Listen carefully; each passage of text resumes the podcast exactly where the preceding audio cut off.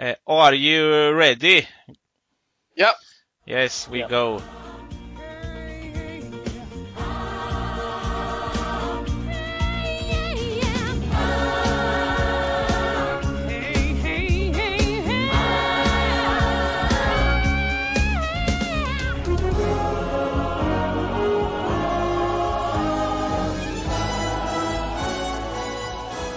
Och på ren östgötska så drar vi igång eh, avsnitt nummer 49 har vi kommit fram till. Eh, så det är faktiskt eh, lite jubileum nästa vecka så det får vi se och göra, se till att göra någonting riktigt bra av. Men eh, nu kör vi en veck, ny vecka här och vi närmar oss allt mer en Premier League-start och med mig har jag som vanligt eh, Adam Stenberg och Mikael Krekula. Välkomna mina herrar! Tack. Tackar. Eh, Har du haft det bra Adam? Har veckan varit bra och har livet skött sig väl så att säga? Ja, det tycker jag. Det har det.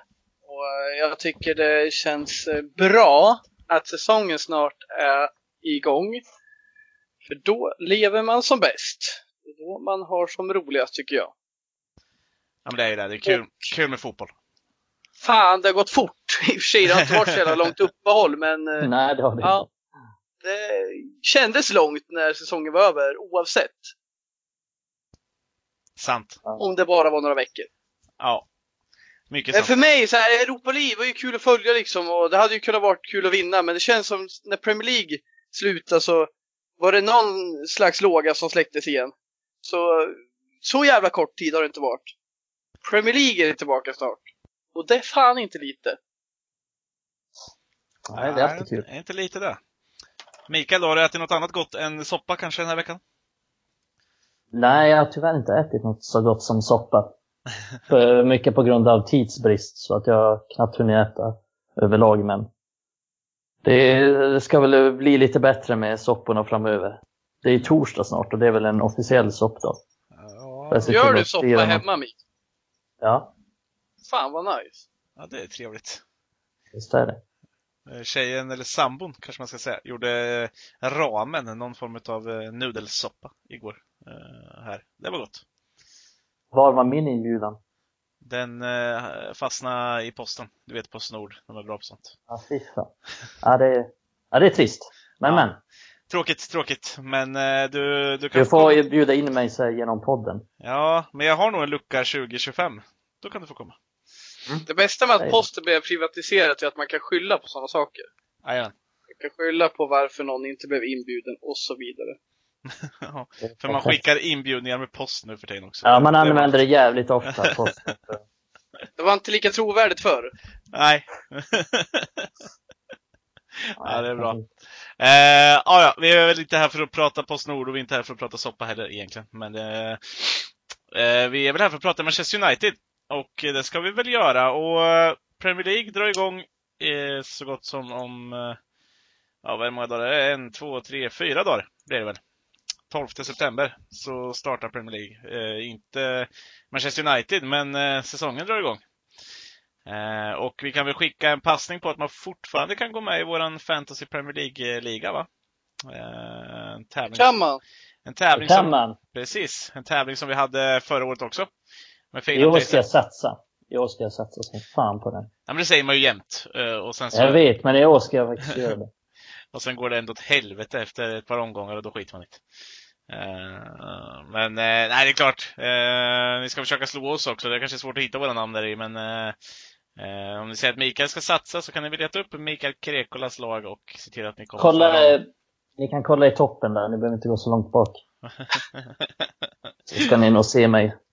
Ja, precis. Kaxig är han. Men eh, se till att göra och gå med i ligan innan första omgången drar igång i alla fall. För att eh, annars så hamnar ni eh, redan eh, på efterkälken direkt. Eh, men Manchester United drar igång lite senare så att eh, inför första omgången, det väntar vi lite med. Men eh, överlag då gubbar, en ganska öppen fråga. Kan vi börja med dig Mikael, men är, är Manchester United redo för en ny säsong? Med så här kort uppehåll och med alla möjliga detaljer i tanken. Ja och nej. Jag skulle väl säga ja med den, med den aspekten att det har inte hänt så mycket in och ut. Laget är ganska samspelt. Vi har väl en ganska klar bild av hur vår startelva kommer se ut. Och alla verkar vara ganska pigga och skadefria och så. Är, vi har inte så många spelare på landslagsuppehåll heller, vilket är bra. Eh, så att på så sätt så skulle jag säga att United är ganska så pass redo. Eh, kanske bland de mest, mesta lagen som är redo. Om man får säga så, speciellt med tanke på att man får en vecka till då. Precis. Vila upp sig, men allt är väl inte frid och fröjd heller. Nej, eh, lite tumultigt kan man väl säga att de har haft eh, de goda spelarna i Manchester United inför den här säsongen. Under korta vilan de har haft. Eh, men eh, just det här, mycket tror vi att den här, eh, vi börjar där då, den här extra veckan gör för, för United. Att dels kanske hinna få klart någon ny värvning men, men också förbereda truppen lite extra. Ja, det är både positivt och negativt skulle jag säga. Det negativa är att det kommer bli ett helvetes jävla schema sen. Eh, kollar vi från mellan december och januari så har United 10 matcher om man kommer till kvartsfinal i ligacupen. Vilket väl kanske är rimligt att tro att man kommer. Då har man 10 matcher mellan december och januari alltså. Eh, vilket är helt sjukt mycket och, det ska liksom, och då ska det ändå klämmas in den första omgången som United missar också sedermera. När den nu ska spelas, det får vi väl se. Men, men det kommer bli eh, mycket matcher och då kommer det komma in på truppbredden som är... Eftersom vi bara värvat en spelare så är truppen extremt tunn. Och det har inte hänt, om vi, om vi kollar på fronttrion, som man får anta är ganska given med Rashford, Martial och Greenwood, så finns det egentligen, så är det egentligen ingenting som har hänt där. Och och även om det ser positivt om, om vi tänker på hela truppen i stort, då tänker jag ändå att nästan alla spelare kommer bli bättre jämfört med förra säsongen. Jag tror att Rashford kommer vara bättre jämfört med förra säsongen. Jag tror att Martial har potential att vara bättre. Greenwood kommer vara bättre. Eh, Pogba kommer vara bättre och så vidare och så vidare. Det är ganska få som kommer vara sämre. Och de som kommer vara sämre, ja det kan väl vara Matic kanske, Juan Mata, möjligen Igalo. Alltså de som är lite äldre. Man kan väl inte Annars räkna med stordåden från Bruno Fernandes kanske heller, inte på samma nej, sätt i alla fall. Nej, kanske inte, men å andra sidan kommer han vara med hela säsongen. Han kommer vara bra hela säsongen. Även om han inte kommer ha de topparna. Men, men om, vi, om vi snackar från trion, då är ju Juan Mata och Igalo kanske första inhoppare. Och Daniel James. Och Daniel James form kan vi snacka om. Jag tror inte Daniel James kommer vara sämre än förra säsongen. Men vi får ändå inte glömma att han har att han gjorde ett mål. Han har gjort ett mål 2020. Ett mål efter jul. Eller efter nyår kanske jag ska säga eftersom jag tror att han gjorde assist mot Burnley typ 28 december. Äh, skitsamma. Han har ett mål på de 23 senaste matcherna. Och det var mot Lask. Så att eh, han har inte rosat marknaden på sista tiden. Och som sagt, Mata, Igalo, ja, hur mycket har de att erbjuda? den kommande säsongen.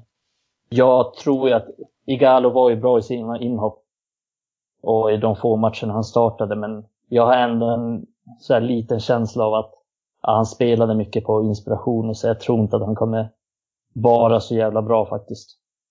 Men jag kan ha fel och jag hoppas att jag har fel. Så mm. att det mm. behövs definitivt någon Alltså det måste komma in, med tanke på det spelschema som kommer, så måste det komma in någon som kan avlasta de tre framåt. Annars så ser det, ja, det ser jävligt mörkt ut måste jag säga. Mm. Alltså, jag känner att den här extra veckan vi får, jag, alltså, det är klart, vi får ju lite längre vila, men det är också en konsekvens av vårt deltagande i Europa League. Jag ser väl egentligen bara negativt på det eh, ur den delen. Och det är för att vi var ju med i Europa League, därför får vi en vecka till ledigt. Men vi tappar också mycket av vår eh, försäsong liksom vi eh, vanligtvis så när vi går över från en säsong till en annan så har vi tid till återhämtning men också att kunna fundera på hur vi kan vässa vår leverans. Och jag tycker inte vi får möjlighet nu genom eh, uteblivna träningsmatcher och, och testa något nytt liksom. Eh, säsongen när Solskär tog över från Mourinho så bytte han ju över till en annan taktik. Och det var ju att gå från att ha ett ensamt ankare och två spelare framför lite mer med Pogba och Herrera framför Matic gick ner till en mer två sittande mittfältare. Med rakt mittfältare. Och jag tycker att det finns verkligen utrymme till att testa något nytt. Jag tycker att vi gjorde det bra under säsongsavslutningen. Eh, med allt vad det innebär att komma trea, att vi gjorde bra resultat. Förutom de sista matcherna egentligen där vi hade lite trött trupp. Men eh, jag känner ju till exempel att eh, jag är inte helt jävla säker på Matic och Pogba som centrala mittfältare på lång sikt. Jag vill ju testa någon annan eh, konstellation på mittfältet för att eh, få mer ut av Pogba då. Så nu känns det som vi står kvar där vi är och, och det är tryggt tror jag på kort sikt. Och det vill komma till, jag är ganska trygg med att är trygg med, jag tycker vi är redo för starten av säsongen för vi har en bra startelva och vi har gjort bra från oss och spelarna vet vad de ska göra. Men ju längre säsongen går så kommer vi ha det tufft med tanke på utebliven bredd som det ser ut nu. För, eh, förbehåll för att vi kanske får in lite innan transferfönstret stänger. Men att, eh, vet det, ja men fan, vi, vi, vi, har ju inte ens fått möjlighet att testa något annat nu och jag tycker vår fronttrio är, är satt. Men jag är inte riktigt övertygad över hur vi ska få effekt på våra ytterbackar och vår centrala mittfält då. Jag vill ha Pogba på plan, men jag vill inte ha honom som sittande. Men så kommer det nog se ut i början av säsongen. Och som sagt, jag är trygg med det på kort sikt, men inte på lång sikt. Pogba är ingen sittande mittfältare och han, eh, jag saknar honom i straffområdet. Jag saknar hans löpningar i djupet. Jag saknar hur han fyller på för att skapa ett hot framåt. Så ja. men det är lite båda delarna där. Är det. Mm, men där har väl eh, Solskjaer ett ganska stort ansvar. Jag menar, han har ju haft tid på sig. Om han vill ha Pogba i en annan roll så har han ju haft liksom år på sig att tänka ut något och att fixa det. Och även om det är ganska tajt med tid så finns det tid just nu. Alltså just när vi sitter och, och pratar om det här så är ju ganska många kvar på Carrington och tränar och han kan sätta sina uppställningar och vad han vill och testa lite nytt och så vidare och så vidare. Mm. Så det finns ju tid om han vill experimentera med någonting. Sen om han vill det, det är ju det som jag inte är lika säker på. Jag är tveksam till att han, jag tror han är ganska nöjd med det. Han är nöjd med Pogba. Han är nöjd med sin uppställning. Jag tror också han är nöjd med honom som central mittfältare. Han är ju spelare och det är ändå gett resultat eh, nå någonstans. Men, men till mm. hans försvar ska jag väl ha att han har inte, det är väl först efter, eller under coronaperioden som han har vetat om att Pogba vill vara kvar och vill kämpa och vill vara i klubben. Och det är ju helt övertygad om nu. Men det, så var det mm. ju inte innan det bröt ut. Nej, så jag tror inte han har lagt så mycket kärlek åt den tanken, även fast eh, det idag känns eh, uppenbart att han har en utmaning där att lösa Pogbas eh, situation. Liksom. Men jag tror inte att det går att tänka på det nu heller om jag ska vara ärlig. Men nu Nej. har han möjligheten att göra det sen sex månader tillbaka. Men jag tror inte det. Jag tror han funderar på annat faktiskt. Jag tror att det, om jag är i Solskär nu så sätter jag han på centralt mittfält. Precis, för att det inte blir någon kaos där. Och tittar man, det kan ju vara lite, alltså jag kan tycka att det är lite märkligt för det var ganska stora Eh, alltså sociala medier påhopp på just att, att man spelade Pogba i en tillbakadragen roll för inte alls så länge sedan. När det gick lite sämre för United. Dels kanske innan eh, eh Bruno Fernandes också då. Eh, innan hans eh, intåg i klubben. Eh, men efter han kom in och trots att då har ju fortfarande Pogba fått spelat i en tillbakadragen roll. Men bara för att det har liksom funkat okej. Okay, alltså så. Man, man, kan spela Pogba på, som du nämnde förra veckan, på treans växel och, och det är ändå helt okej. Okay. Du får ändå mm. ut en viss del utav Pogba. Eh, så, så, då är helt plötsligt folk nöjda ändå.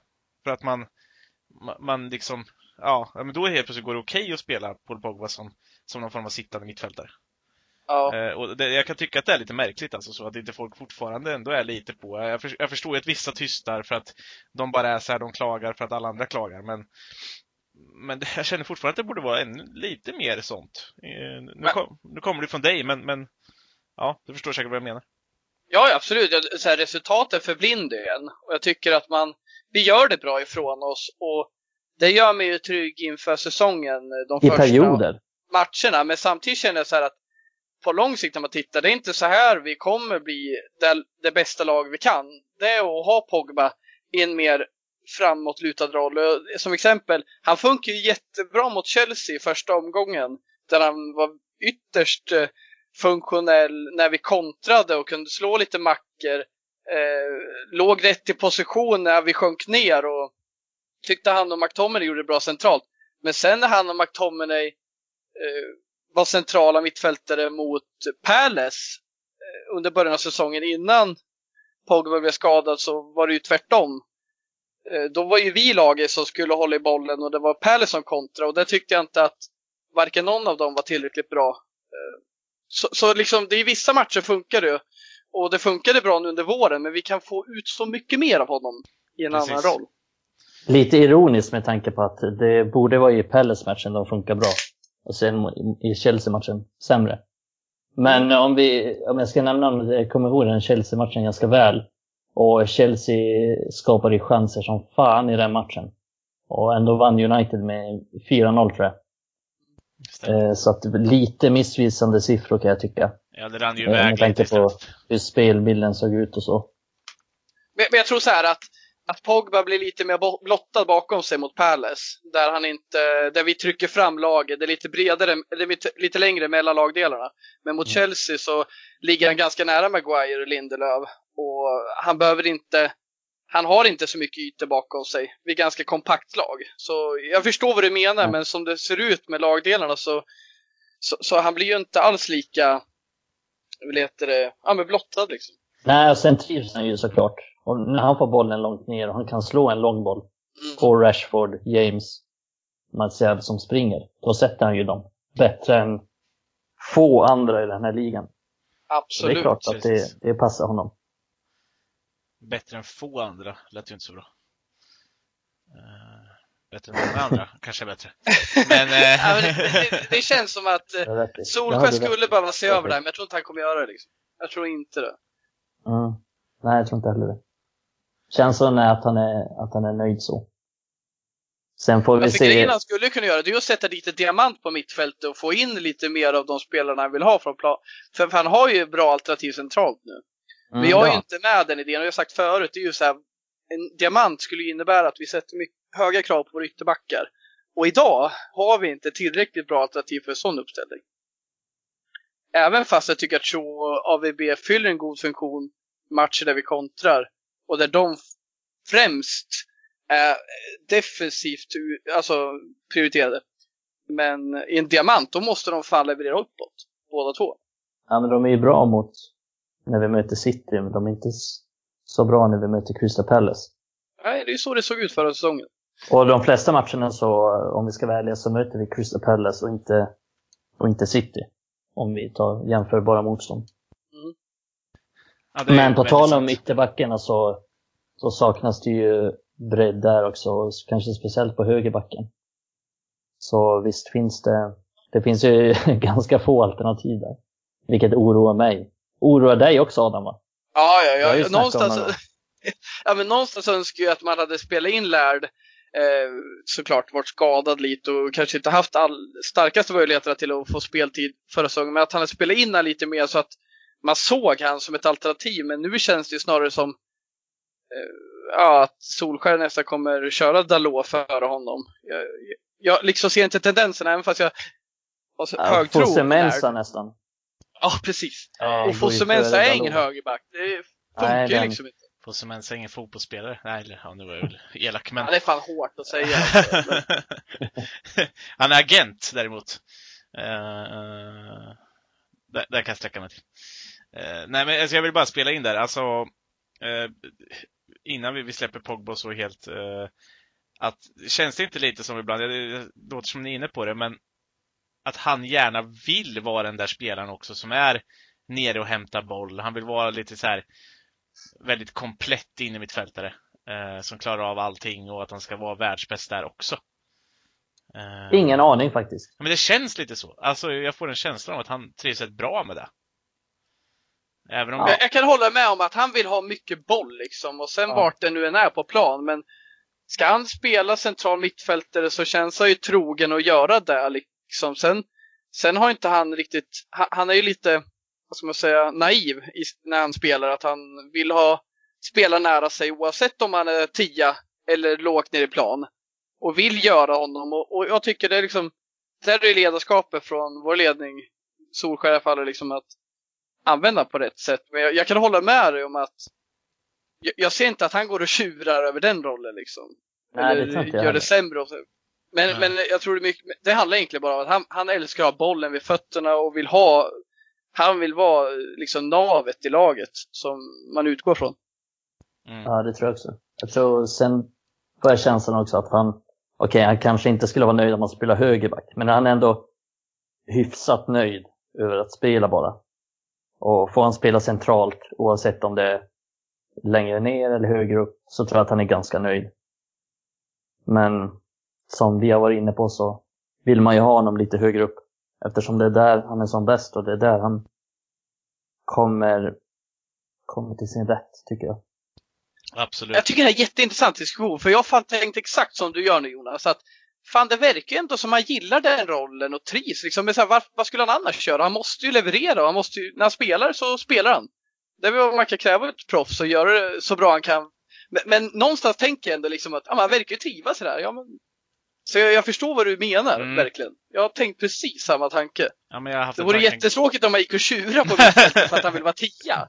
Ja, Jag tror bara han, han är en riktig bollspelare, älskar att ha bollen vid fötterna, han gömmer sig aldrig. Jag kan se att han, han till och med blir sur ibland när han inte får en passning som inte är så nödvändig, men det är för att han vill vara den som driver upp bollen, eller slår bollen. Han vill inte att Matic ska ha den helst. Även fast han är trygg med Matic, men han vill ha boll hela tiden. Ja, En Eh. bra egenskap. precis. Ja, men det är väl där vi vill ha ut av Pogba också. Vi vill att han ska ha mycket boll och att han, han verkar trivas med att ha fått en lekkamrat till exempel i, eh, i Bruno Fernandes. Och eh, det är liksom där, om vi säger nu då, vi har fått in van de Beek också, vi, vi pratar inte ens om honom här, men, men det är liksom, där har vi ju bredd. Och så börjar vi prata om bredden på alla andra positioner och så börjar man nästan känna sig som att man kvävs. Eh, för att, jag har redan nämnt fronten, jag har nämnt ytterbackarna. Visserligen, vänsterbacken har vi väl ändå två dugliga. Högerbacken har vi en duglig. Och, och, och, och, och bakom där så har vi antingen en oprövad eh, lärd eller, eller en katastrof Dalot. Eh, alltså det, Eller lite mindre katastrof hos Mensa. ja, precis. Eh, I Ja, är- inspelande de är- stund har vi åtta potentiella star, alltså mittbackar. inte för att de är tillräckligt bra, men vi har material. Vi har dem. där. Vi har dem. Ja, vi- precis. Kroppar. Vi har vi- kroppar i... Vi ska sna snacka lite mer Silly om, om en stund sen, men, eh, och, och det kan ju tappas någon säkert. Men jag läste en så här rolig tweet här nu också att Solskjaer skulle varit imponerad av- eh, Marcos Rojo, eh, som har gjort dubbla träningspass sen han kom Vänta, tillbaka. vänta. Rolig tweet. Det var fan inte roligt. ja, men den är ju rolig, den är humoristisk på något vänster. Ja, Tragikomiskt. den är, Ja. ja, det är bara tragedi den.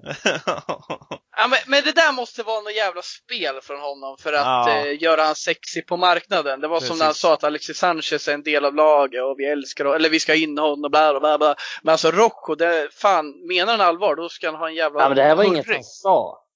Men det här var ju liksom off the Nej okej, det, ja, det är sant. ja, precis. Så det, man får väl hoppas att det, Att det det var bara någon sån här brief till media för att någon ska köpa honom. Ja. Eh, och är det där så är det ju, är det ju bra på ett sätt. Eh, om vi kan bli av med honom på riktigt. Eh, och vi, vi behöver ju bli av med ett par till, eh, så, så är det ju. Eh, för att även, man kan inte säga att Manchester United inte har en bredd. För bredd har vi med rent, om man ska säga, seniorspelare. Sen att kvaliteten på dem är Ja, jag vet inte, långt under undre halvan utav Premier League på många av spelarna, så är det ju. Om vi, om vi kollar högerbackarna som Dalot och Foster Mensa, de platsar inte i många lag i Premier League. Nej, alltså jag skulle kunna se Fosumensa kan ju absolut göra någonting i, i vissa klubbar. Han fick inte spela i Fulham som åkte ut. Ja, men han, var- han spelade, spelade faktiskt ganska mycket innan han blev skadad. Det Aj, han aj, aj. Shit, fan vad jag kom på en sak nu. Fan, vi skeppar Diego Dalot till Wolves. De har gjort sig av med Doherty och han eh, kan väl funka som wingback. Det är fan inte sent att försälja en portugis till Wolves. Nej, Eller- Ring Ed Woodward. Jävlar! Jag gör det nu. eller Ja, ring det. eh, Mendes. Ja, det måste fan vara smartare. ja. Nej, men jag kom att tänka på det nu bara. Det skulle nog inte vara helt omöjligt. Nej, jag tror jag inte. Det säger väl någonting om att de inte har köpt honom än. Ja, kan, kan, kan ju vara det också. De brukar ju värva ganska bra, så det kan väl säga någonting. Kan ju vara att han firade som eh, att han hade vunnit VM-finalen när han gjorde mål mot Tranmere eller vad det var. Eh, Ja. När han piskade dit Ja, herregud. Ja, vi har ju ett par till att göra av med, eh, så är det ju. Och, och, och frågan är ju, Manchester Uniteds startelva är ju bra. Eh, så är det bara, det kan vi inte säga någonting annat om. Bredden blev lite, lite bättre med van de Beek och eh, även då eh, intåget av Henderson gör ju att det blir lite, lite mer spets på målvaktssidan, även om ja, man kan ju inte gnälla på Sergio Romero, så är det ju. Eh, men Alltså resten... Eller som vi tunnast, det är egentligen ytter, yttermittfältet nu. För, Ja, och för, för, för en anfallare, det tycker jag skulle vara konstigt att köpa in med tanke på att vi har fullgoda alternativ i Martial, Greenwood centralt. Till och med även Rashford, även fast jag vill ha han som en ytter. Och, och Igalo då. Men på ytterkanterna, vi har liksom ingenting. Vi har ju lånat ut Chong nu, vilket är ett jättebra val att göra. Men annars är det James och Mata får väl inte sämre. riktigt ses som, som en ytter i, i Solskärs lag. Även fast han var en ytter i Mourinhos lag. Mm. Men hur mycket, hur mycket påverkar allt det här tumultet då? Alltså om vi ska runda av det här att man är förberedda och allting sånt där. Men det har ju varit rätt mycket tumult och senast nu har vi två ynglingar som, ja, gör vad ynglingar gör. Inte riktigt lyssnar på vad folk säger åt dem. Eh, och en av dem är ju i landslagssamlingen då. Och en av dem är Mason Greenwood. Eh, hur mycket kan han påverkas av det här nu? Att han blir hemskickad från landslaget. Han, eh, helt plötsligt så ser ju alla honom som en, någon form av bad boy. Eh, vi har Maguire-tumultet, vi har eh, Corona-tumultet. Eh, ja. Allt sånt där. Jag kan ju börja med att se upp kontakten med Foden. Fan ska det hänga med honom för? Undvik massa jävla City-spelare. Ja. Det borde vara första regeln om man skriver på kontrakt. ja, men så här, det, influence. det mest chockerande för mig det är ju inte att han bjuder hem brudar på rummet, det är ju att han hänger med City-spelare. Så, så vi kan väl börja därifrån, tycker jag. Jag tror de fick bo ihop va? Eh, det Han blir Ja. tvingad till det. Fy fan alltså. Då är det alltså Southgates fel. Eller FAs. så? ja. Stuart Pearce kanske. Du är Alltid Pearce den där psycho. Ah, men det har ju ställt till det lite. Det känns, det känns som det... Fan, är det någon i vår startelva som inte har ställt till det den här... eh, Det är Rashford som är föredömet. ja. Ja, Rashford är för bra för att vara sann. Han kommer lämna klubben om ett år som blir politiker. Han kan väl lämna United. Han tycker det är så tvivelaktig moral bland övriga spelare. Bli president i USA nästa år. Ja, men vi går igenom då. Vi kör. AVB eh, drar till Dubai och får komma hem och får sitta i jävla karantän. Ja. Maguire gör en, en grek. Lindelöf jagar. ah, ah, Jagar gamla Han är, trött, han är trött på att ingen tar tag i Sveriges eh, kriminalitet. Han tar Ja. tag i det själv. Och Shaw, ja, han har inte gjort det än, men snart kommer det upp bilder på varför han är inte ett jävla proffs. Han kommer gått upp 10 kilo den här jävla sommaren. Men det är inget nytt. Men så är det bara honom. Vad har vi mer då? Bruna? Nej, han har fan inte gjort något än. Han har fått Vi barn. har Pogba som, ja, han kan inte rå för men det är lite struligt när han blir sjuk. Det är inte kul. Det kan fan inte han rå för. Matic har väl inte gjort något än heller.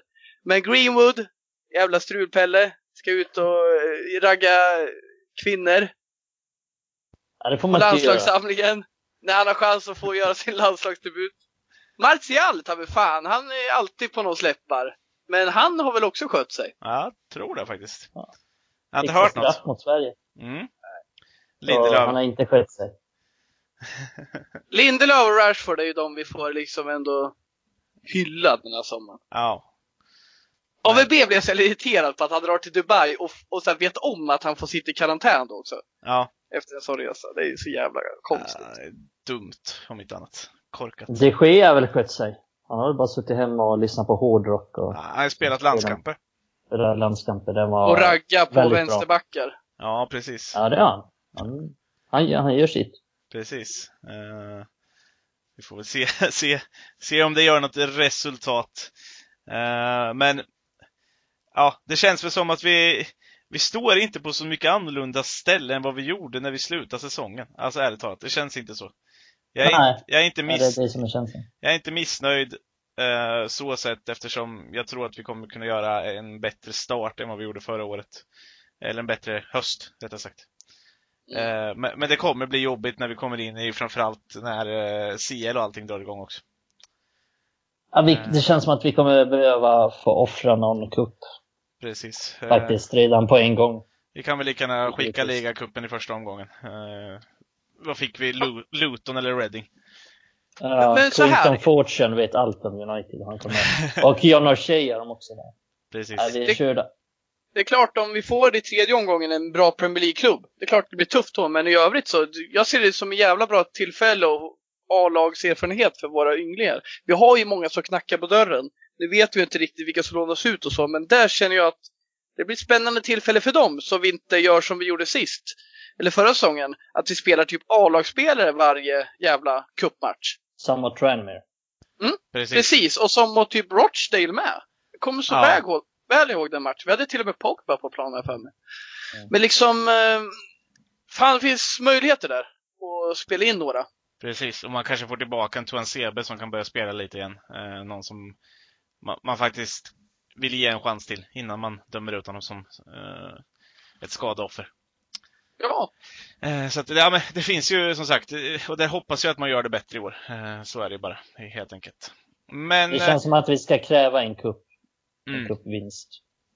i något sätt, men då vill man ju hellre ha FA-cupen, men det beror ju på lite kanske hur det går i CL också. Eh, inte för att jag tror att vi vinner CL, men jag tänker att det kan bli mycket matcher även i vår. Kan så här då, vi får flytta vidare tänker jag. Eh, vi ska faktiskt ta och eh, snacka lite silly och eh, ja, vi tar väl in vårt silly-orakel tänker jag i detta strax efter att vi bara pausar två sekunder. Jane Sancho. Yeah. Seine Tricks sind für jeden Spieler krass, denn selbst ohne Regen macht er Gegenspieler nass. In der Champions League ist er gerade am Abgehen. Gegen Atletico traf er mit 18. Er spielt für Schwarz-Gelb. Wenn er losrennt, ja dann ist er krass schnell. Ist er frei vom Tor sogar dann nicht, er macht selbst. Manche wird das Spiel zu einer Ein-Mann-Show, eine Ein-Mann-Show von Jaden Sancho. Jaden Sancho, Jaden Sancho, eine Ein-Mann-Show von Jaden Sancho. Sancho. Ja, efter det lilla breaket så eh, passar vi på att bjuda in Melker Olsson, vårt silly-orakel, till detta poddavsnitt också. Välkommen gubben! Tack så mycket. Eh, ja, Adam och Mikael sitter lite tysta här bak. De eh, är inga silly-orakel själva, men eh, gillar att följa det. Eh, men eh, jag tänkte väl att du ska få bjuda lite på det senaste här inom sillyt vad gäller eh, Manchester United. Vi har ju kört lite några silly-avsnitt innan här, men eh, ja, efter Van de Beek så har det väl inte varit superhett på marknaden fram till det har dragit igång med några rykten här igen i alla fall. Eller vad säger du? Yes, det har varit rätt tyst sen, sen Van de Beek blev presenterad, men främst så, ha- ja, det mesta har väl handlat om eh, Sevillas Sergio Reguilon, eller hur vi nu ska uttala det. Eh, vänsterbacken eh, i Sevilla. Mm, Det är väl främst han och sen har det varit lite andra små rykten om ett par spelare, men inte så mycket, mycket kontext i det eh, egentligen. Nej, men vad sägs det om Regulon då? Alltså, eller Regu... Ja. Ja. Ja, ja det, det sägs en hel del, men det är främ, främst eh, spanska medier som egentligen säger att eh, det är en kamp mellan eh, Sevilla och, och United. Eh, Zidane har ju valt att, att satsa fullt ut på Marcelo och Ferland Mendy istället som vänsterbacks, vänsterbackspar. Och eh, ja, det lämnar ingen plats då till Reguilon som varit utlånad till Sevilla föregående säsongen. Vi mötte ju han i, nu i Europa League. Eh, han imponerar väl rätt stort där. En offensiv ytterback. Uh, ytterback. Mm. Som, ja, och det är väl främst där som United saknar kvalitet i, i, på dagens ytterbacksplatser. Precis. Jag läste något eh, innan vi började spela in idag faktiskt, eh, om Mm. att eh, Sevillas president hade gått ut med några ord och sagt att de, de såklart gärna vill ha tillbaka honom, men att de hade konkurrenter med betydligt större plånböcker ungefär, något i den stilen, som Ja. gjorde det svårt. Ja, och det är lite det som kommer ut från de spanska medierna också, det är att Sevilla vill ju främst låna honom ett år till. och ha en option på ett ex, på, vad ska man säga, en, en obligatorisk eh, option att köpa honom då efter säsongen. Mm. Eh, och att de då är villiga att betala 20 miljoner euro. Eh, men sen då rapporterar de här spanska medierna då att United eh, å andra sidan är beredda att liksom pröjsa 10 miljoner mer. Och då förstår man ju från Reals sida att det är väl förmodligen det valet som de helst ställer till då. Mm. Det var väl ändå sagt också till exempel att, eh, att han också gärna sökte sig till Premier League och kom det väl några uh, lösa rykten om. Ja, vi vill ha en ny, ny utmaning eller något liknande. Och, eh, precis som Van de Beek så är det väl rätt steg i karriären att ta, skulle jag säga. Ja, framförallt om man inte får chansen i, i Real. Nej, precis. Så är det Men det är, det är främst spanska medier som går ut och, och säger att United lagt bud och att eh, ja, Real Madrid helt enkelt också har erbjudit spelarna till United. Eh, det enda problemet just nu som det rapporteras om är ju att eh, Real Madrid vill ha med en liksom buyback-klausul så att de kan köpa, köpa tillbaka honom inom ett år om han nu gör stordåd. Eh, samt att de då får första tjing på alla framtida bud eh, på Reguillo när han är i United.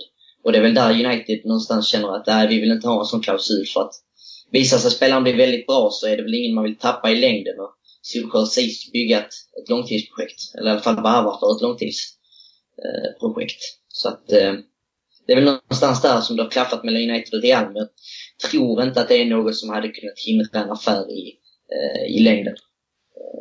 Nej. Med tanke på att det är, det är en dryg månad kvar och jag tror att det är så pass nära redan United och Real är överens om så många detaljer så att det är ingenting som ska kunna hindra en affär. Nej, precis. Vad skulle du ge ryktet för någon, något betyg då på en skala 9 eller 1 till 10? 9 till 10 hade varit litet. Ja. Nej, men 8 eller 9 tror jag. Fabrizio Romano har också gått ut och sagt att Real har erbjudit United att varva honom så att jag tror, jag tror mycket väl det händer. Jag tror faktiskt att det blir Uniteds nästa varvning också. Eh, det känns det enda som är, det är det enda som är nära, egentligen. Mm. Yes. Uh... Ja, men vi, den här andra intressanta spelaren då som har ryktats om sen eh, typ januari månad eller något. Mm. Vad, vad hände med Jadon Sancho? Eh, inte så jäkla mycket egentligen, eh, faktiskt, tyvärr. Men eh, det har väl snackats lite om att eh, anledningen till att det är så tyst är för att parterna egentligen har kommit, Dortmund och United då har kommit överens om att förhandla med varandra på, på, på ett mer tålmodigt och respektfullt sätt. Eh, Bleacher Report som eh, går ut och hävdar det. Eh, med tanke på att det har varit lite dispyter fram och tillbaka, eh, briefs till media och United och Dortmund har helt, helt enkelt inte varit på samma sida. Eh, så det kan ju vara en anledning till att det är tyst. Eh, men sen vet man ju aldrig heller för att det känns just nu som att det är ett waiting game. United väntar och väntar och ser om de kan få han lite billigare medan Dortmund känner att nej, vi är nöjda med vår position. De har ju inte gått efter någon ersättare Nej, heller. precis. Och det var, det stod något om någon sån här eh, eh att de, United skulle göra något eh, ettårsstopp och försöka igen nästa år eller något sånt där. Ja, problemet då är att då lär man ju möta konkurrens från från andra storklubbar som typ mm. Real, Barca, eh, kanske Liverpool har det väl ryktats lite om att de nästa år om Sancho inte rör på sig skulle vara intresserade. City likaså. Eh, så att det United har nu det är en chans att varva han. Ja, han kan vara lite dyr och det är mycket pengar under den här krisen men samtidigt så detta är den bästa chansen man får. För att nästa år så kommer han att möta konkurrens. Mm. Det känns väl lite som att det nästan glider mer och mer åt hållet att, uh, att det inte blir någon värvning av Jadon Sancho. Ja, nej, förmodligen blir det inte så så länge United inte, inte lägger fram pengarna på bordet helt enkelt. Mm.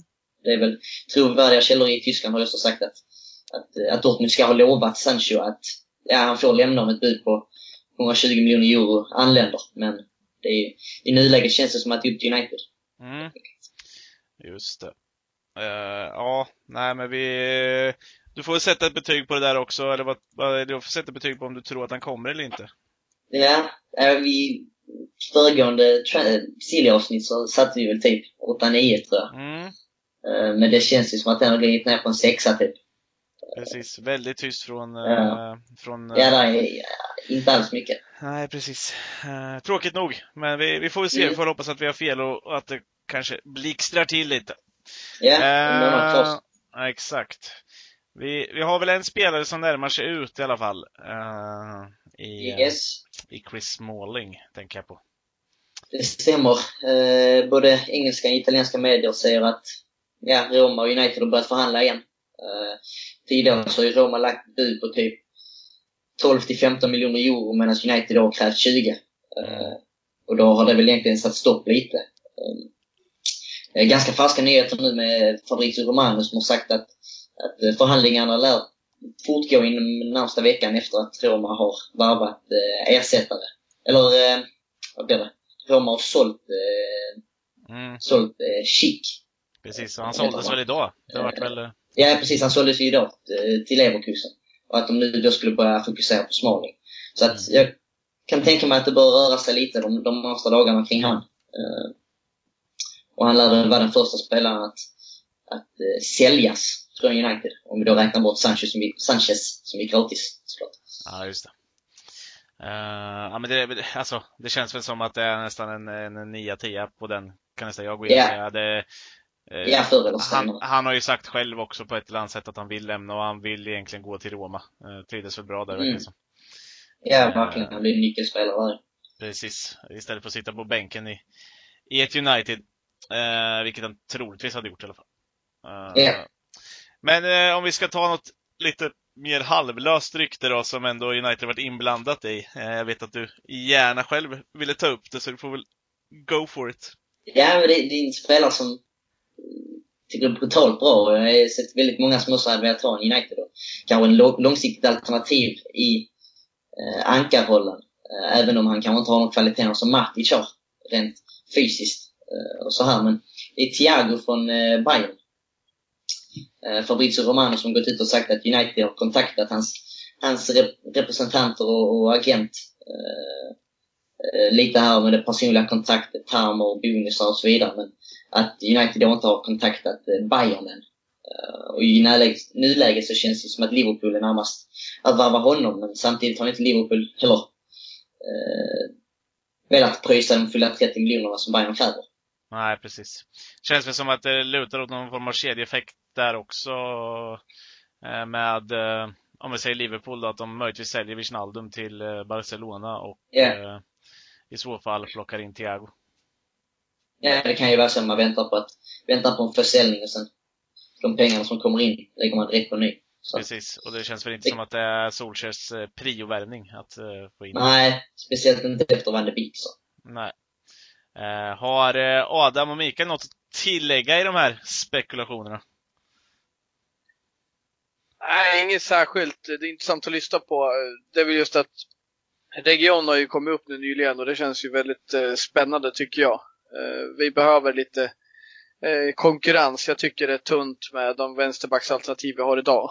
Eh, men ska jag vara helt ärlig så hade jag väl egentligen hoppats på en högerback men ja, för de pengar som snackas om det tycker jag låter intressant. Mm. Absolut. Och så är det ju. Själv tror jag väl inte till exempel att Thiago kommer. Och jag vet att jag tror Mikael är med mig på den banan. Ja, nej, jag tror inte att han kommer. Jag tror inte att så många andra kommer heller. Så. Men det, det skulle behövas breddas lite, men det kommer vi väl tillbaks till. Precis. Eh, Mr Negativ när det gäller den biten. Men eh, har du något sista att ge oss rent sillymässigt Melker eller? Nej, inte, inte i det stora hela. Det är väl några, det börjar röra sig lite på lånefronten med spelare från U23, men det är väl, Precis. har inte hänt något konkret än, så det kan vi ta vid ett annat tillfälle i så fall. Ja, eh, och ska man bara kort nämna något så kan man väl gå in och kolla på vår Twitter också. eh, Där du framförallt eh, rapporterar just kring eh, silly season och händer Yes. det något som är eh, confirmed eller är utav eh, vikt så, så, eh, så skrivs det där. Så eh, håll utkik. Mm. Eh, Så bjuder Melker på ännu mer fast i textform. Men du, eh, vi får tacka dig för den här lilla stunden då som du gav oss. Tack själv! Eh, hoppas att eh, lyssnarna som vill ha silly season blir nöjda där ute. Eh, så eh, hörs vi, eh, ja, om inte nästa vecka så kanske inom snar framtid i alla fall. Absolut.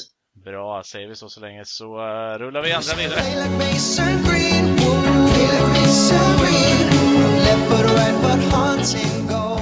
Och ja, vi tackar väl Melker Olsson för det där helt enkelt. Och Jag släpper Silly lite och ja, kanske till viss del inte helt. Eh, tänkte prata lite ungdomar. Och då förbereder sig Mikael Krekola med en öl, skulle jag kunna gissa på. Om det nu var du.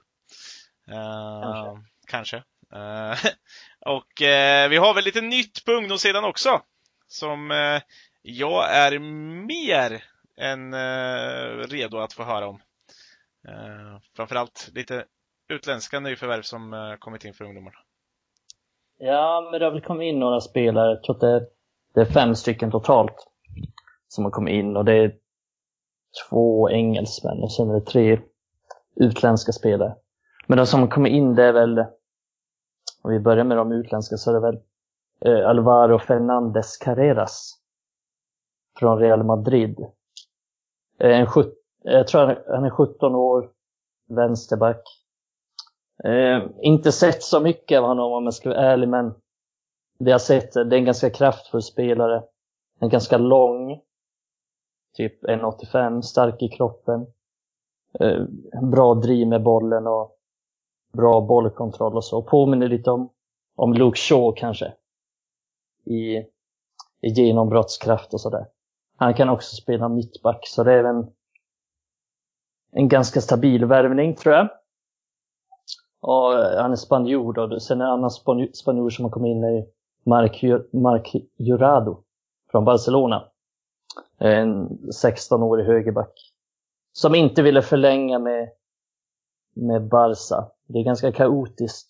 Inte bara i, i Barcelonas A-lag utan i deras akademi och det har väl varit det ett tag också. Som jag har förstått det.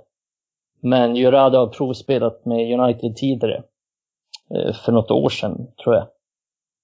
Och det är väl en eh, högerback som ni tänker er från Barcelona. Väldigt offensiv, bollskicklig. Vill, vill väldigt, väldigt gärna utmana framåt. Så det är väl där hans styrkor ligger. Eh, sen, har, sen har vi värvat en norrman också. Eh, från Nordnorge, Tromsö. Isak Hansen Aron. Han har nyligen fyllt 16 så han, han är född eh, 2004 då. Precis som Jurado. Han har faktiskt redan spelat A-lagsfotboll med Tromsö. Så han blev deras yngsta spelare någonsin faktiskt. Eh, det är en offensiv mittfältare, väldigt bra dribbler, bra teknik, spelsinne. Eh, många stora klubbar som vill ha honom, till exempel Bayern München och Liverpool. Eh, Liverpool försökte faktiskt locka över honom med, med Jürgen Klopp. Men som många norrmän så är, så är han United-fan och tydligen så blev han imponerad av Uniteds träningsanläggningar och, och även planen för honom. Man visar ju alltid upp en så här individuell plan man har för unga spelare när man värvar dem. Typ, var ser vi dig om två år? Vad behöver du göra för att och så vidare och så vidare. Så det var något han blev imponerad av. Och sen eh, två värvningar från Sunderland. Och då är det Logan Pye, som är en vänsterfotad mittback slash vänsterback. 16 år gammal. Eh, vet inte riktigt så mycket om honom om jag ska vara ärlig. Men han är i alla fall landslagsmeriter från England och verkar vara en ganska hypad spelare. Nationellt. Sen en annan spelare från Sunderland, det är Joe Hugill. Eh, det är en vänsterfotad striker. Han är också 16 år. Men han spelade faktiskt med Sunderlands U23-del i fjol. Och gjorde bland annat två mål mot West Ham. Som vann serien. Så han har imponerat ganska mycket. En ganska gänglig forward. Med elegant teknik och en bra avslutare med båda fötterna. En, en, en målskytt helt enkelt. Han gjorde, han gjorde mål också i en träningsmatch med U18 nyligen. Så det blir nog en bra spelare. Det är jävligt intressant att höra Mm. liksom hur de värvar här spelare från Real Madrid, från Barcelona, att vi ändå bygger underifrån och att det här jobbet som Nicky Batt och akademin gör, det, det känns liksom så äkta. Vi fortsätter Ja. med det här, ta in rätt spelare och fr- från klubbar. Vi, vi tog in, förra året tog vi in eh, vad heter det, fransmannen där från Monaco. Meshbri.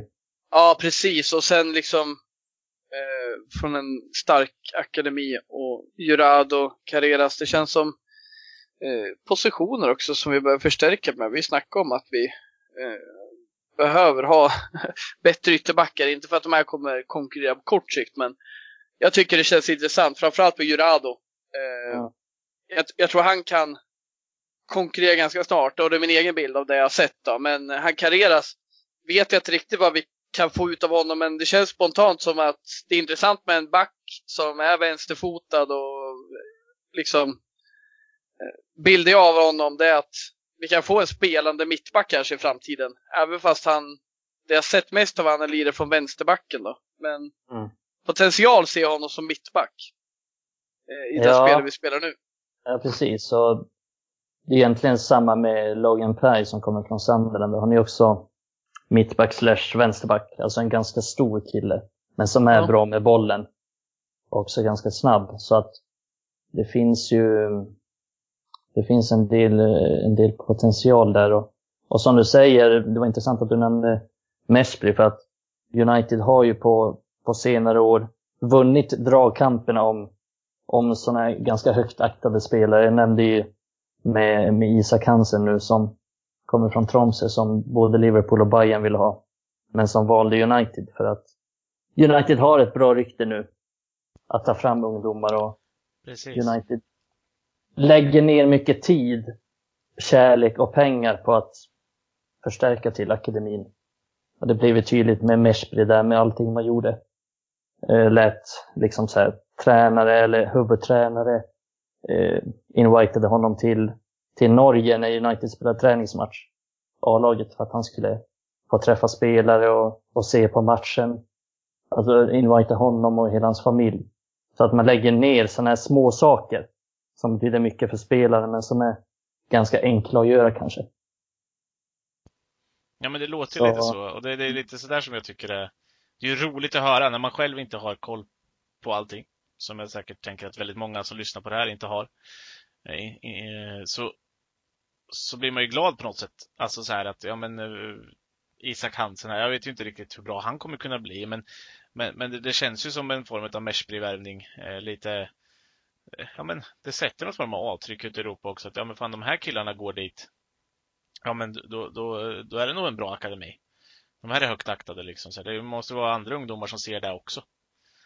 Uh, och, det tyder Mm. bara på att United kommer kunna få fram ännu fler.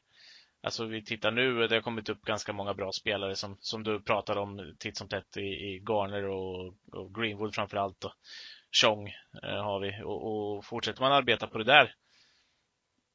Ja, det är väl klart att kan det trilla upp någon någon per säsong eller alltså så eller varannan säsong så vore det där kanonbetyg för United och akademin på det sättet. Men Ja, men framförallt så är att de tar in, eh, liksom, att klubben satsar på sin akademi och tror på Mm. ungdomarna. Och jag tror det där känns att här kan man få möjlighet att etablera sig och det är väl inte alla klubbar det är så. Eh, Juventus är en sån här klubb som jag tycker liksom, ah, fan, de eh, gör bra affärer och så vidare, men det känns ju inte som det är det första lag jag skulle gå till när jag är en ungdom. Eh, jag skulle nog hellre gå till United då till exempel. Jag, jag, jag ser liksom det finns en naturlig idé. Och så kanske det inte har varit alltid, för det har ju gått i vågor. Mm. Men sen Nicke Batt kom in och vi kan säga vad vi vill, vi nämnde det förra avsnittet, vi kan säga vad vi vill om, om Glazers och deras styre. Det är ju inte bra liksom, men akademin, den tror de ju på, den låter de ju jobba på det sättet de vill och därför kan vi locka sådana spelare. Mm. Jag sa väl det i förra avsnittet också, att det Ja. bryr de sig inte om så mycket. De är helt okej med att Nicky Butt sköter det eller Nick Cox det. Mm. Det lägger de sig inte i så mycket för det kostar inte så mycket för dem. Och det, det är ganska bra för dem för det är lätt förtjänta pengar om man tar upp någon bra och säljer dem eller- och så vidare. Och så vidare. Plus att man inte behöver investera lika mycket i truppen. Men Mikael, vad känner du? Har du någon, några spelare som du tror kommer kunna etablera sig i år? Förra året såg vi till exempel Williams, Greenwood, Garner titta fram ur nyckelhålet, men hur ser det ut i år? Nickel. Eh, jag, jag tror att, eh, att Garner till exempel kommer bli utlånad Och Dylan Levitt kommer också bli utlånad. Eh, och det var, var väl de som har varit närmast. Om man inte räknar med de som har kommit fram redan som Greenwood och Williams. Så de kommer bli utlånade. Och sen är det ju Teden Menge som redan har debuterat. Ethan Laird har också debuterat. Och både Menge och Laird tror jag kommer vara en del av, av A-truppen den kommande säsongen. Sen tror jag inte de kommer få spela så mycket, men jag tror att de kommer vara det. Och de kommer nog inte bli utlånade. Men snackar vi andra U23-spelare som, som inte har debuterat än så tror jag faktiskt inte det. Jag tror inte att någon kan komma upp riktigt. Sätta något. Inte Meshbury? In- Ingen ligacup eller något sånt där? Ja, alltså kanske att han gör något inhopp i någon ligacup eller kanske till och med en start. Det är svårt att säga hur mycket Solskjaer kommer satsa på det. Men jag tror inte att, att han kommer göra något större avtryck eller så. Att han liksom kommer komma in och göra någon superdebut. För det tycker jag inte att han är riktigt redo för. Men det är väl, om, om vi snackar dem så är det väl Ethan Galbraith, Meshbury, Anthony Langa. Typ som är närmast att få speltid i A-laget. Men jag tror inte att någon av dem är, är redo att konkurrera om en plats. Om en riktig plats i truppen. Liksom att Anthony Langa sitter på bänken mot Chelsea när alla är- tillgängliga istället för Igalo eller Mata. Det tror jag inte. Nej. Ja, för jag tänkte det, det är ju, vi pratar ju om Elanga är väl den, om man tittar positionsmässigt, som ändå skulle kunna, vi säger att vi inte, som vi har pratat om då, eh, får in någon förstärkning på, på front eh, där fram. Så känns Mm. det som att han spelar den positionen för att ha störst chanser. Eller? Absolut. Nej, han är, om, om vi tänker så positionsmässigt, då är han den som ligger närmast. För att säger vi att det är anfallskris eller yttre kris i United, då är han den som kommer få speltid. Inget snack om saken. Men däremot så får vi inte glömma att han spelade, han inledde förra säsongen med att spela U18-fotboll. Sen avslutade han den med att spela lite U23. Så han har kanske han har spelat liksom 6-7 matcher i U23 och inte alla från start någonsin. Så att han är inte riktigt... Han är redo för att ta en stor roll i U23 i år. Han är inte redo för att spela A-lagsfotboll än. Det får komma säsongen efter i så fall. Men Mikael, så här. Vi får in Juraudo nu, vi har Lärd som är och knackar på dörren. Skulle till och med kunna bli ett lån, inte helt omöjligt liksom, men det kanske inte tyder på det. Men sen har vi också han som både kan spela mittfältare och högerback, Pugmal. Ursäkta uttrycket. Men rätt med rätt liksom, det känns ju som att kommer Jurado in nu, det, det kommer ju bli någonting kommer hända med någon spelare. Gissningsvis Jurado kommer in i 2023. Lär lär ju närmare i än 23. A-lagsdebuten tidigare. Mm. Men det kommer inte spela U23, det kanske blir bevakad på honom. Ja, det kommer det nog bli. I alla fall inledningsvis. Han är ju fortfarande han är bara 16 år, så han kommer, han Ja, kommer helt garanterat spela ett helt år i U18. Om han är riktigt, riktigt bra så kanske han får spela lite i U23. Men, Ehm, jag, tror- alltså man har inte bråttom med det. Jag tror att det är väl möjligt att han skulle kunna vara bra nog att spela högerback i U23 i, i mars liksom. Men det behöver inte betyda att han gör det för det. Förstår ni vad jag menar? Utan man har en så här utvecklingsplan. Det är inte alltid att de bästa spelar där eller där. Eller bara för att någon är ordinarie högerback i U23 så betyder det inte att han är mycket bättre än en ordinarie högerback i U18. Utan det är också var man är fysiskt, utvecklingsmässigt på så sätt. Mm, jag förstår. Eh, och ja, om vi ska avrunda det här då så kanske några, de som vet om det i alla fall, vi har ju eh, eh, vi har ju en svensk till i U18. Eh, Ja. Johan Guadagno. Är det något år för honom där han kommer få spela? Han spelade väl inte så mycket förra året. Eh, dels på grund av Corona då såklart så blev det mindre chanser men eh, så mycket Han gjorde, matchspel fick han ju inte. nej, han gjorde ingen match i, i U18. Men han var ju också, han var också ung. Så jag tror att den här säsongen så kommer han göra matcher i U18. Däremot så tror jag väl inte riktigt, United har många målvakter. på alla nivåer. Så jag tror att han får svårt att ta en ordinarie plats nu. Men eh, jag tror att han kommer få spela lite och han spelade i en träningsmatch tidigare med U18 så den här säsongen så att han kommer att få spela lite med dem. Det tror jag. Mm. Och man såg väl någon transformation, eller vad, vad säger man? Eh, han hade ju byggt på sig en hel del muskler, vad det såg ut som under, under det här uppehållet. ja, det har han. Sen han kom till United, ja, det var Ja. ungefär ett år och lite till som han hade byggt på sig en del. Vi la ut det på Twitter för ett Precis. tag sedan. Om man vill gå in och kika så kan man ju titta på hans eh, magmuskler som inte jag har sett eh, på mig själv sedan jag var typ aldrig. Eh, Nej, nej. Tänkte det. ja, ja. Men hörni, eh, det är väl dags att avrunda för idag. Eh, som sagt, eh, vi nämner Twitter där. Eh, följ oss där för allt som rör United i de här dagarna. Eh, det kommer ut. Eh, glöm inte heller Instagram. Där kommer det en hel del. Och ja, snart så sätter vi igång med Facebook igen också, så såklart ni ska vara med oss där. Men eh, tills dess så vill jag önska alla en eh, trevlig Premier League-helg. För trots att inte United spelar så kommer väl många sitta och titta på lite härlig fotboll. Jag kan tänka mig att Adam, Adam Stenberg kommer sitta bänkad eh, under helgen. Ja, För det The Championship, ja. Ja, precis. blir det Championship-fotboll såklart. Kanske lite Premier League. Exakt. Championships. Men annars så eh, ses vi inte alls, utan vi hörs nästa vecka. Bye bye!